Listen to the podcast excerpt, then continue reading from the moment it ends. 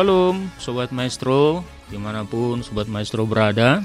Apabila ada Sobat Maestro yang mungkin sedang sakit Atau dalam pergumulan Kami tetap memohon kepada Tuhan Agar memberikan kesembuhan Dan juga jalan Sehingga boleh keluar dari pergumulan Dengan penuh sukacita. Baiklah Sobat Maestro Senang sekali rasanya saya Harlan Spahutar Selama 50 menit ke depan boleh bersama Sobat Maestro dalam acara Renungan Simeon di malam hari ini. Satu renungan yang akan mengajak kita merenungkan kebaikan Tuhan, bersyukur atas penyertaan Tuhan dalam aktivitas kita sepanjang hari ini. Dan tentunya kita pun boleh menjadi saksi atas kebaikan Tuhan itu bagi orang-orang di sekeliling kita, keluarga maupun teman-teman di tempat kerja ataupun tetangga kita. Nah, sobat maestro, malam ini saya ditemani oleh Ibu Guru Butiur Boru Silitonga dan pendeta kita, pendeta J. Syahan dari HKBP Bandung Timur akan membawakan renungan malam ini. Dan sebagai topik malam ini adalah garam dan terang dunia. Mengambil nats dari Matius 5 ayat 13 sampai 16. Nah, bagi sobat maestro yang ingin bertanya nanti boleh menyampaikan kepada kami melalui WA di 0813 4165 8319 0813 4165 8319 silakan disampaikan pertanyaan sobat maestro maupun mungkin ada permohonan doa. Silakan sampaikan pada nomor tersebut Baiklah Sobat Maestro, mari kita bersyukur dan bersaksi atas kebaikan Tuhan. Kita berdoa. Puji dan syukur kami panjatkan kepadamu ya Tuhan, Allah kami yang baik. untuk segala kesempatan kehidupan, nafas kehidupan yang kau berikan bagi kami Tuhan sepanjang hari ini sampai saat ini. Kami percaya itu adalah kemurahan-Mu dan hanya pada kemurahan-Mu saja Tuhan kami menyerahkan hidup kami sepanjang hari ini, sepanjang malam ini.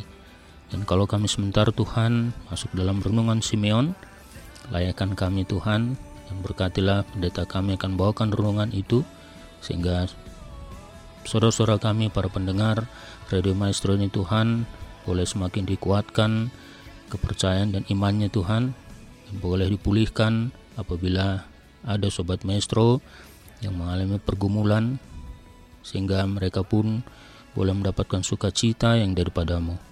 Kami serahkan semua ke dalam tangan penyertaanmu Tuhan, di dalam Kristus kami berdoa. Amin.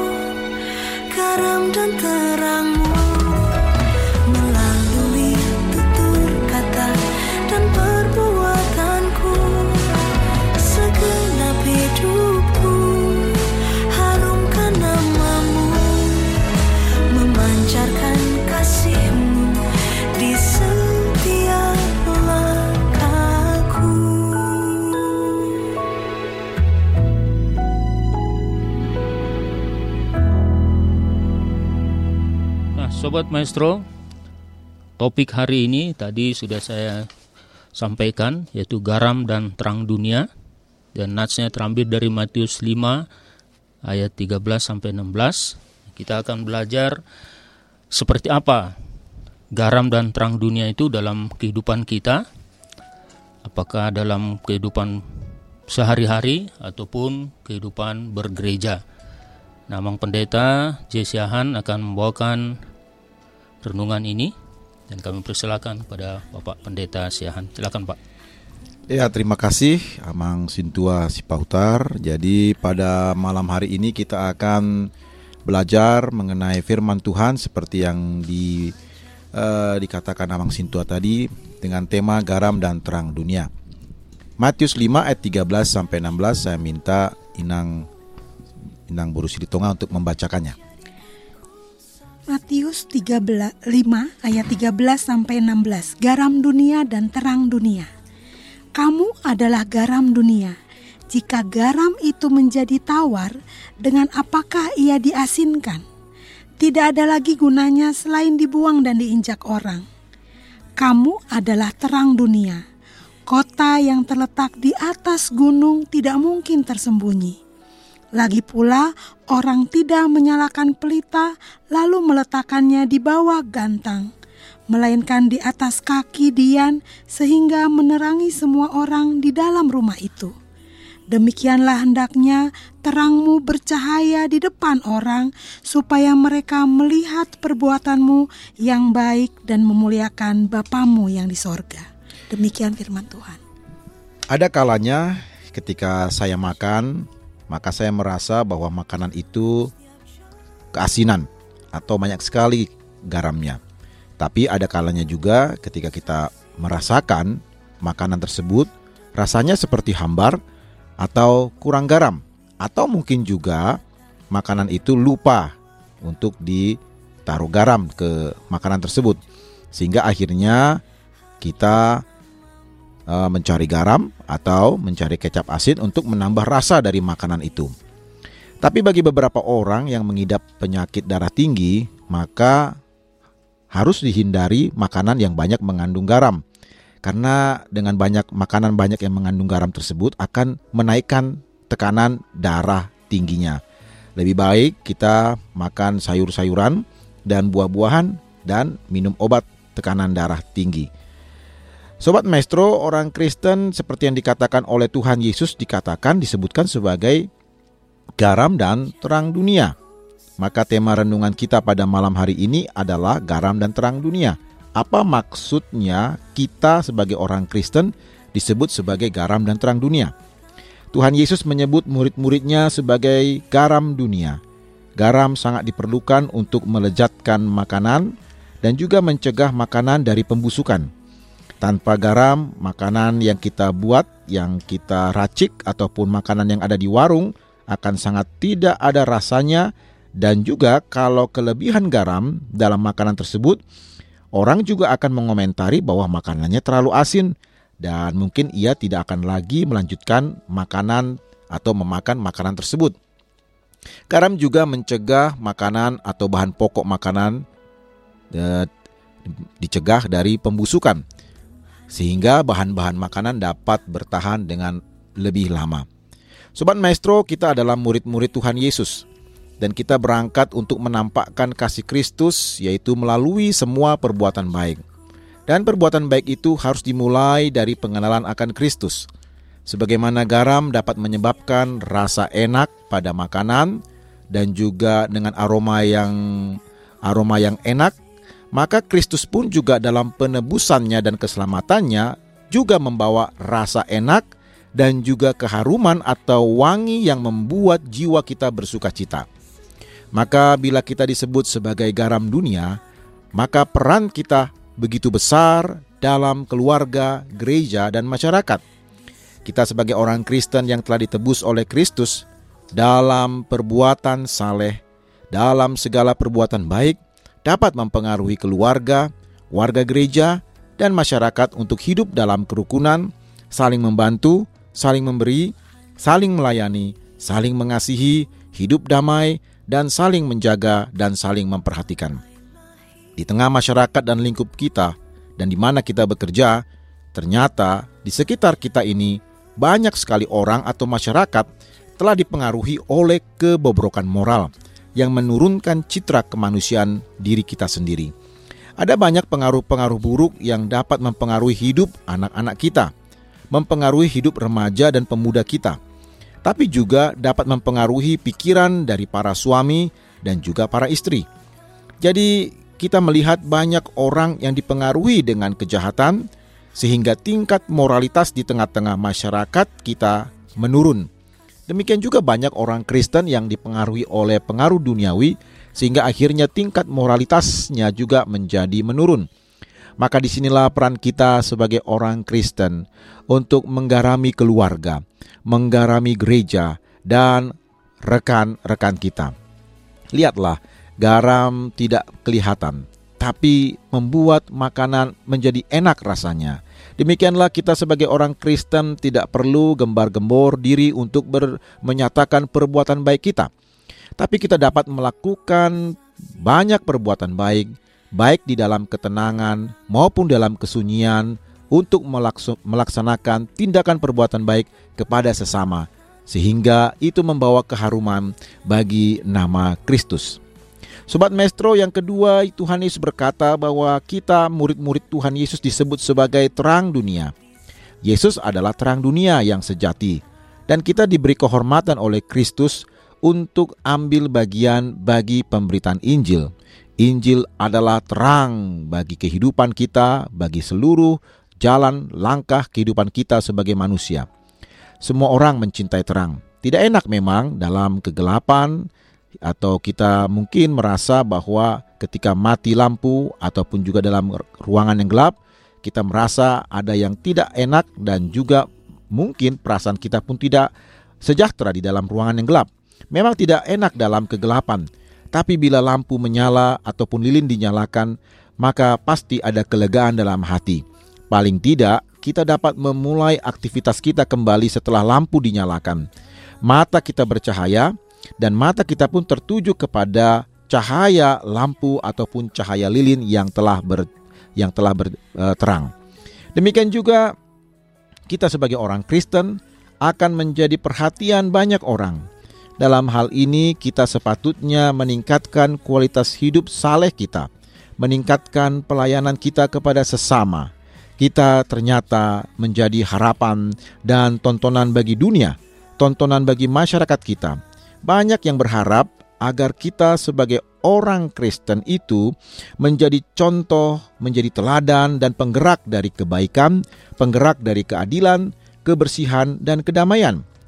Firman Tuhan pernah mengatakan Yesus adalah terang dunia dan Yesus adalah Tuhan dan juga sumber keselamatan kita. Dan keselamatan itulah yang menjadi pusat pewartaan. Itulah yang disebut sebagai Injil. Injil juga disebut sebagai Injil atau terang Injil. Dan setiap orang yang telah menerima Yesus yang adalah terang dunia, maka hatinya yang gelap telah diterangi oleh Injil dan dosa ataupun kuasa-kuasa gelap itu diusir dan digantikan dengan kehadiran Kristus sang terang dunia sehingga hidup kita menjadi terang dan kita berangkat ke tengah-tengah keluarga, ke tengah-tengah masyarakat, rekan-rekan kita untuk menerangi hati mereka yang gelap.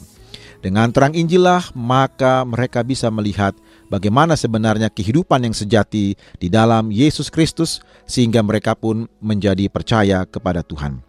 Sobat Maestro, terang yang kita pancarkan kepada dunia dapat berupa yang pertama, pemberitaan Injil.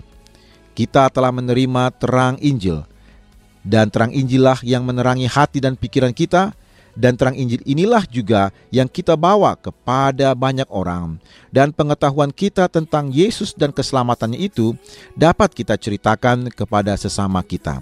Kita tidak boleh meletakkan Injil di bawah gantang yaitu pertemuan-pertemuan kelompok kur kita ataupun juga program-program gereja kita yang lebih bersifat ke dalam atau internal atau mungkin kita selalu terlibat dalam perdebatan tentang liturgi dan tata gereja, aturan dan administrasi gereja dan berbagai macam program serta biayanya. Tapi sebenarnya seperti yang dikatakan oleh Tuhan bahwa kita adalah terang dunia, maka sepatutnya lah kita sebagai orang Kristen berangkat untuk menceritakan Injil kepada sesama kita. Ada begitu banyak orang di sekitar kita yang berada di dalam kegelapan dosa dan mereka tidak tahu arah tujuan hidup mereka. Dan jelas firman Tuhan mengatakan upah dosa adalah maut dan mereka sedang berjalan menuju kepada maut. Di sinilah peran kita sebagai terang dunia untuk membawa Injil kepada mereka, menceritakan tentang kisah keselamatan dan kasih Allah dalam Kristus Yesus. Dan inilah kiranya dalam terang Roh Kudus hati mereka diterangi dan mereka pun mengambil keputusan untuk meninggalkan dosa dan menerima Kristus sebagai Tuhan dan Juru Selamatnya. Dan kita juga dapat memancarkan terang kepada dunia dan masyarakat di, sekitar kita melalui perbuatan-perbuatan baik. Cahaya Injil dapat dilihat melalui perbuatan baik kita. Cahaya Injil bisa dirasakan orang melalui teladan-teladan kita yang dapat ditiru oleh sesama kita. Kristus dapat mereka rasakan melalui tutur kata kita, melalui sikap yang membantu, saling mengasihi dan peduli kepada sesama yang berkekurangan, mengusahakan perdamaian, mengusahakan kerukunan, bersikap adil, dan juga menyatakan kebenaran. Kita dapat mengarahkan mereka semua, menasehati, mendorong yang baik, dan menghibur sesama kita yang mengalami kedukaan dan, dan kesusahan. Inilah kita sebagai orang Kristen yang berfungsi sebagai terang dunia. Sobat Maestro, dari firman Tuhan ini kita dapat melihat bahwa garam dan terang dunia itu adalah sikap kita sebagai orang percaya yang mempunyai dampak besar di tengah-tengah kehidupan masyarakat dan di tengah-tengah gereja, termasuk terutama di dalam keluarga kita. Karena itu, saya mengajak kita semua agar menjadi garam dan terang dunia. Jangan menjadi orang Kristen yang biasa-biasa saja, tapi jadilah orang Kristen yang dapat mempengaruhi banyak orang. Jadilah orang Kristen yang menerangi dunia di mana kita berada, dan melalui pelayanan kita kepada sesama. Maka orang-orang di dalam keluarga kita, di lingkup masyarakat, rekan-rekan sejawat kita, maupun juga anggota gereja kita mereka setelah melihat perbuatan-perbuatan kita yang baik dan setelah mereka merasakan bagaimana gerakan kebenaran dan keadilan kita kerjakan, mereka pun akan memuliakan Bapa kita di sorga. Mereka pun akhirnya menjadi percaya kepada Tuhan Yesus Kristus. Sekali lagi saya mengajak kepada Sobat Maestro, marilah kita menjadi garam dan terang dunia. Tuhan Yesus memberkati kita. Amin. Puji Tuhan, Sobat Maestro, kita sudah mendengarkan renungan dari Bapak Pendeta Jesse Han dengan topik garam dan terang dunia. Kita pun sudah diberikan contoh ataupun pengertian tentang garam dan terang dunia, yaitu terkait dengan perbuatan kita, tugas kita sebagai orang yang percaya kepada Yesus Kristus. Nah, Sobat Maestro, sekali lagi kami mengundang Sobat Maestro apabila ada pertanyaan terkait dengan uh, topik kita malam ini, silakan hubungi kami melalui WA di 0813 4165 8319 0813 4165 8319. Namun sebelumnya kita akan mendengarkan satu lagu pujian.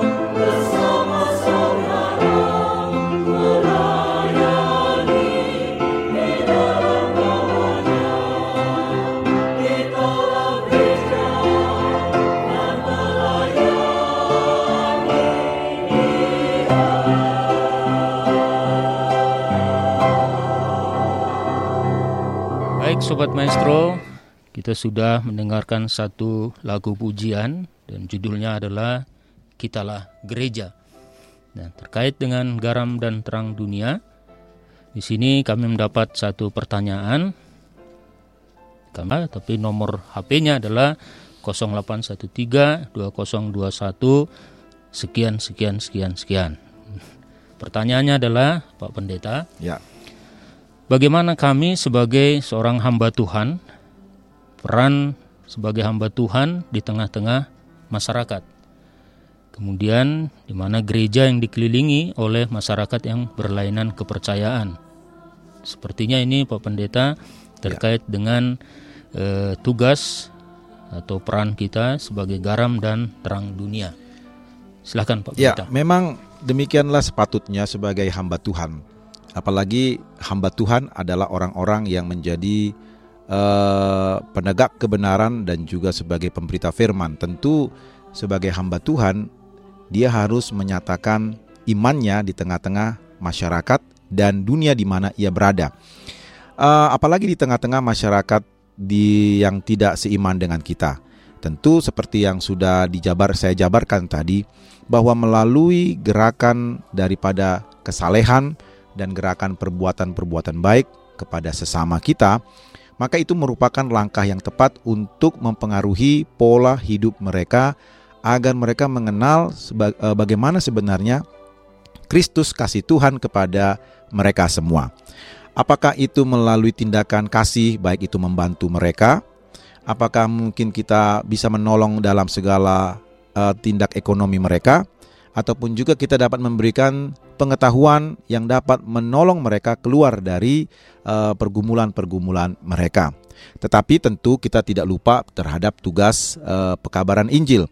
Tentu kita jangan anggap mereka dulu sebagai orang yang istilahnya orang yang kafir atau orang yang kita anggap sebagai orang yang eh, objek daripada eh, pelayanan gereja untuk mengkristenkan mereka. Tidak, tetapi sebenarnya mereka adalah orang-orang yang juga dikasihi oleh Allah.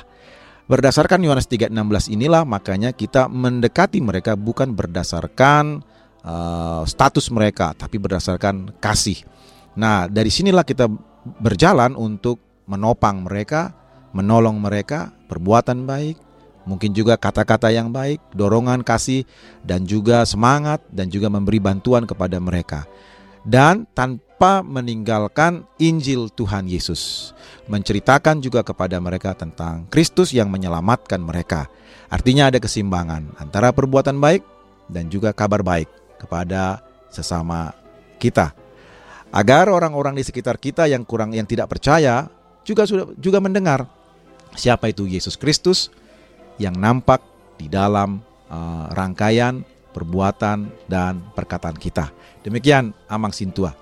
Ya, artinya Pak Pendeta, kita sebagai hamba Tuhan Ya. atau sebagai gereja juga eh, mempunyai peran atau tugas sebagai garam dan terang juga artinya melalui kita mereka orang-orang ber, berbeda keyakinan pun boleh melihat kasih Tuhan, boleh melihat kemuliaan Tuhan. Kira-kira seperti itu Pak Pendeta Iya, ya. jadi sebenarnya kehadiran kita itu adalah menjadi gambaran Kristus, Amang. Oh, Oke. Iya, kehadiran orang Kristen itu adalah kehadiran daripada gambaran Kristus yang juga sebagaimana Kristus dahulu berjalan dari desa ke desa melakukan tindakan mukjizat, kesembuhan dan mengabarkan Injil. Jadi sebenarnya itu di- direpresentasikan kembali dalam kehidupan gereja Hmm, melalui pelayanan-pelayanan gereja baik secara kelompok gereja ataupun mungkin juga secara individual bisa kita kerjakan ke, ke tengah-tengah masyarakat yang berlainan iman dengan kita. Oke. Baik, puji Tuhan. Terima kasih Pak Pendeta. Ya, buat eh, sobat maestro yang bertanya tadi, kiranya apa yang bisa sampaikan oleh Pak Pendeta boleh menjawab pertanyaannya. Namun apabila belum puas, boleh sampaikan kembali pertanyaannya melalui WA tadi ya. Eh, kami tetap menunggu, mungkin bisa membantu eh, saudara atau sobat maestro yang bertanya tadi. Baiklah sobat maestro, eh, kita akan masuk dalam satu lagu pujian.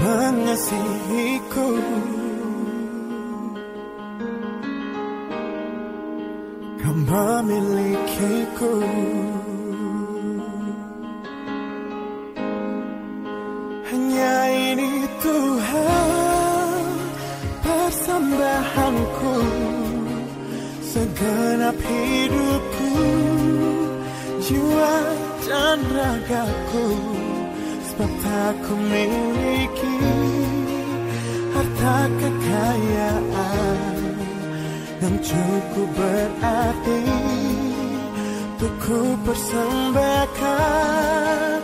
Hanya ini Tuhan Permohonanku. Terimalah Tuhan Persembahanku Pakailah hidupku Sebagai alatmu Seumur hidupku.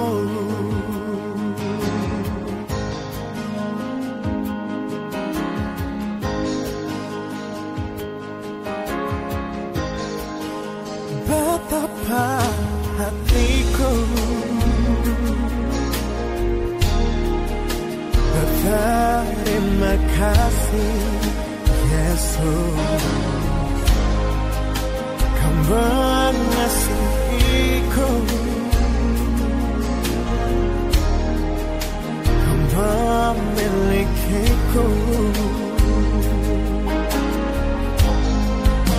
Hanya ini Tuhan persembahanku Segenap hidupku Jiwa dan ragaku Sebab tak ku miliki Harta kekayaan Yang cukup berarti Untuk ku persembahkan Baiklah Sobat Maestro, kami akan menyapa Sobat Maestro. Kami persilakan pada Ibu Tiur Boru Silitonga. Ya, terima kasih. Saya ingin menyapa untuk sahob- sahabat maestro semua yang berada di kota Bandung, baik di luar kota Bandung juga. Ya, saya ingin menyapa Ibu Ci Sihua di Kebon Jati 125, Bapak Albert yang ada di kota Malang, Ibu Lingling Mariana di Gardu Jati, Kakak Rospita Sianturi di Patra Komala, Ibu Napitupulu Boru Simanjuntak Opung Kristo di Sukasenang, Ibu Sintua Pangaribuan Boru Aruan di Sekaloa, Ibu Sarumpait Boru Sihombing di Palem Raya, Ibu Sintua Napitupulu Boru Simanjuntak di Gumil, Ibu Silalahi Boru Manurung di Kancra, keluarga Simarmata Boru Panggabean di Mabansel Tim, Ibu Panjaitan Boru Hutagaol Opung Deo di Jatinangor, kakak kami Riana Siagian Boru Pardede di Komplek pra- Pratama Asri, Ibu Hotma Boru Panjaitan di Kopo, keluarga M Sirait eh, keluarga M. Siahaan Boru Sirait, maaf di Margahayu Permai, Ibu F. Siagian Boru Sipahutar di Padasuka, Ibu C. Sitompul Boru Nainggolan di Cigadung, Ibu Risda Sirait Boru Hutajulu, adik kami Niken dan Dara Sirait di Palem Permai Buah Batu. Dan keluarga M. Nababan dan Sintua Boru Sirait Opung Agata yang ada di eh, Sumatera di si di Sidikalang yang sedang berada di Sidikalang.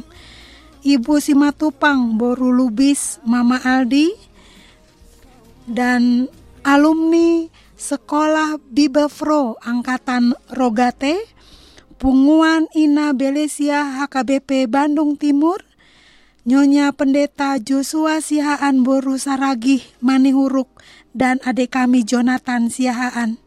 Punguan Ina HKBP Bandung Timur dan juga Punguan Ina Hana dari HKBP Bandung Reformanda, Majelis HKBP Bandung Reformanda, kiranya sobat maestro semua yang mendengarkan renungan Simeon malam hari ini semua dalam ke- keadaan sehat dan Tuhan Yesus memberkati. Terima kasih pada Ibu Tiur Boru Silitonga. Sekarang kami mohon kepada Pak Pendeta Siahan untuk menyampaikan doa syafaat. Sobat Maestro yang mendengarkan siaran ini, saya mengajak kita semua untuk bersatu hati, untuk masuk dalam hadirat Tuhan dalam doa kita. Mari kita berdoa. Allah Bapa kami di sorga, di dalam namamu Tuhan Yesus Kristus. Kami bersyukur kepada Tuhan atas anugerahmu. Firmanmu sudah kami dengar di malam hari ini. Kami memohon kepada Tuhan, di dalam namamu Tuhan Yesus, agar kiranya hidup kami sebagai orang percaya diteguhkan dan dikuatkan untuk menjadi pelaku firman, menjadi garam dunia ini, dan juga menjadi terang bagi dunia ini. Tuhan, oleh karena roh kudus sajalah, Engkaulah yang memampukan kami menjadi orang-orang yang bersaksi melalui pekabaran Injil maupun melalui perbuatan-perbuatan baik. Pada saat ini juga kami berdoa di dalam namamu Tuhan Yesus Kristus. Berkatilah Amang John Simanjuntak yang akan op yang operasi pada hari ini yaitu patah tulang lengan. Doa kami dalam nama Tuhan Yesus, Engkaulah yang memulihkan Amang Simanjuntak ini dan Engkaulah yang menyempurnakan kesehatannya. Juga kami berdoa dalam nama Tuhan Yesus untuk Nyonya R. Sipahutar, Boris Tompul yang dirawat di rumah sakit Dus, Dustira, Dame Boruh Tasoit yang sakit di rumah, Aaron Marpaung yang juga dirawat di rumah sakit, Nyonya Siombing Boru Pasaribu, D. Pakpahan, dan juga Nyonya Sintua Pakpahan Boru Tampu Bulun, Amang Sintua R. Hutasoit, SR Sibarani yang dalam pemulihan setelah dari operasi, demikian juga Sisilia Boru Sihombing, Nyonya Gurning Boru Tanggang yang sekarang dalam perawatan di Rumah Sakit Sentosa, dan juga Nyonya Yeti Sinulingga Boru Hutahayam yang masih dalam tahap pemulihan. Doa kami Bapa dalam nama Tuhan Yesus untuk mereka semua, agar kiranya Tuhan memberkati dan memulihkan kesehatan mereka. Dalam masa istirahat inilah mereka mencari Tuhan, dan mereka berharap dan bermohon kepada Tuhan, agar Engkaulah yang memulihkan dan menyembuhkan mereka semua. Menyempurnakan kesehatannya Tuhan dengan baik, sehingga mereka pun dapat kembali bersama-sama berkumpul dengan keluarga, dan terlebih datang ke rumah Tuhan untuk memuliakan namamu dan mendengarkan firmanmu. Saat ini juga kami berdoa dalam nama Tuhan Yesus untuk usaha baru, toko keluarga, Juniro Tampu Bolon Boru Silitonga.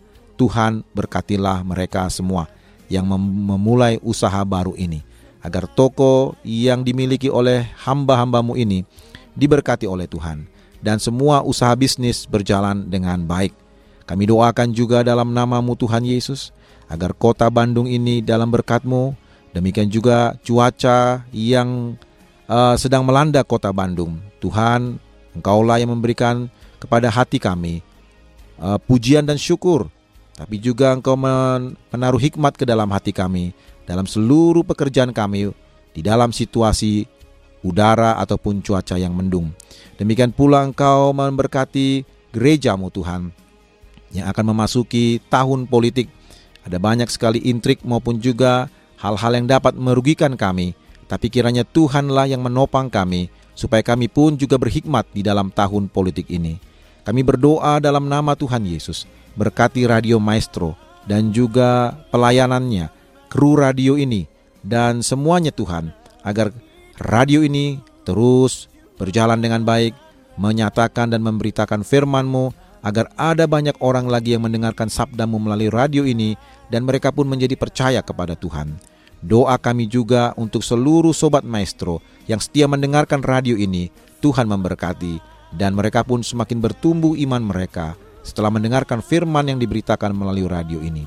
Tuhan kami berdoa dalam nama Tuhan Yesus untuk anak-anak kami yang juga akan memasuki masa ujian dan engkaulah yang menyertai anak-anak kami ini diberikan kemampuan, hikmat, kemampuan untuk menganalisa dan juga menyerap pengetahuan dengan baik, sehingga mereka pun mengikuti ujian, mendapatkan nilai dan hasil yang baik, dan juga memasuki per, tempat perguruan tinggi yang mereka cita-citakan. Terima kasih Bapa, kami berdoa mengucap syukur kepadamu, dengarkanlah doa dan permohonan kami, dalam nama Tuhan Yesus kami berdoa. Amin.